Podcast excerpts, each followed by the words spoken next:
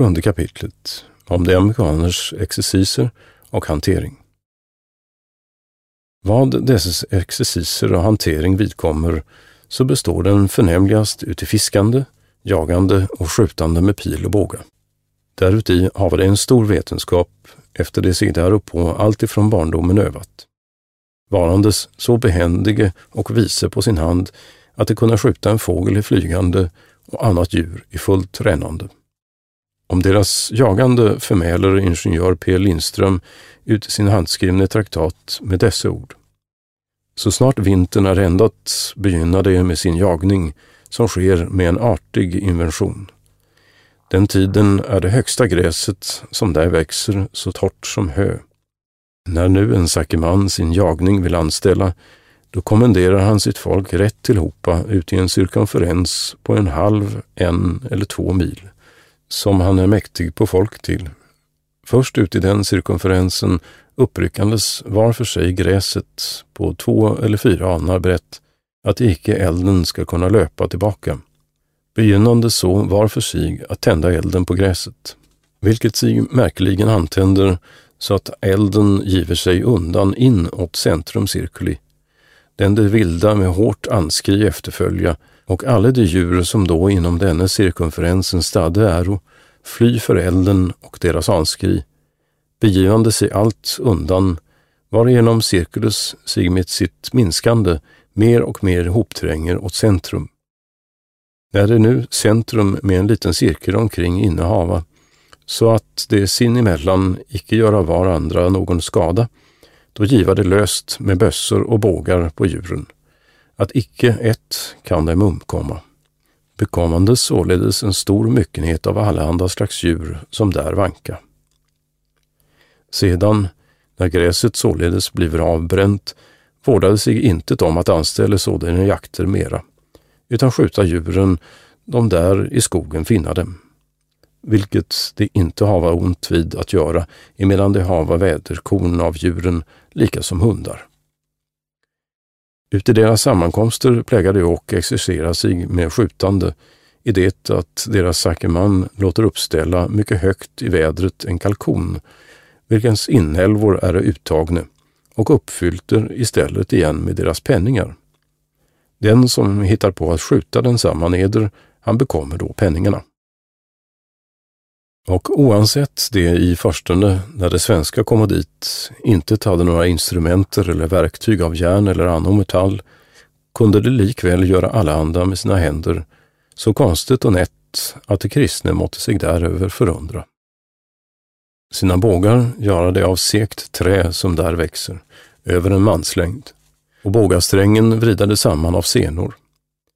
Pilen göra det av rör, halvannan aln lång, och det på sådant sätt att den vid ena ändan inrättade ett stycke hårt och segt trä av ett kvarters längd vid pass och ut i ändan på detsamma infogade hullingen eller udden på pilen, vilken de göra av svart flinta och hårde ben eller horn, samt stora fiskars och djurs tänder.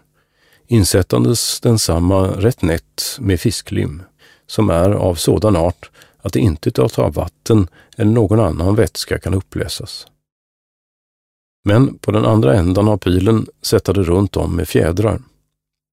Skinn som det där av mångahanda slag hava kunde de och mycket vackert beta och bereda, jämväl på åtskilliga sätt efter deras maner måla.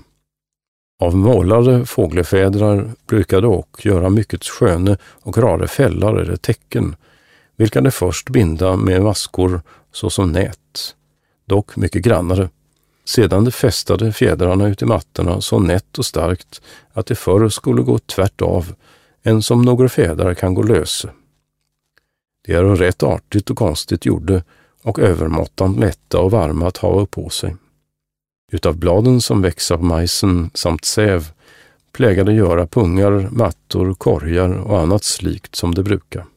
Sina pungar plägade jämväl rätt artigt virka och lika som bordera med pennor vilka de på åtskilligt sätt kunna färga. En sådan pung och tvenne andra av majsblad, den ena liten och den andra större, kan jag ännu visa som min salig farfader med sig därifrån fört haver. Mycket grannare, starkare och konstiga mattor göra det också av granne målade granrötter och starka strån med allehanda figurer, att sira och kläda väggar med och att lägga under sängkläder tjänlige. Kvinnfolken tvinna och tråd och garn av nässla, hampa och andra oss här obekanta växter. Guvernör Johan Prins har också låtit dessa barbarer göra och uppträda för sig en hel klädning med rock, byxor och gehäng av idel deras penningar, vilken skall varit mycket konstig med allehanda slags djur uppträdd och bearbetad och kommit på några tusende gyllen att kosta, som ingenjör P. Lindström berättar. Tobakspipor göra de barbarer av rör, snart en mans längd, och huvuden därpå av horn som går en vacker hop med tobaket i. En sådan plägade gemenligen presentera en god vän när han kommer och besöker dem ute i deras hus, och det vilja att han ska bliva något länge kvar, då han inte slipper bort förrän han har rökt ute sin pipa.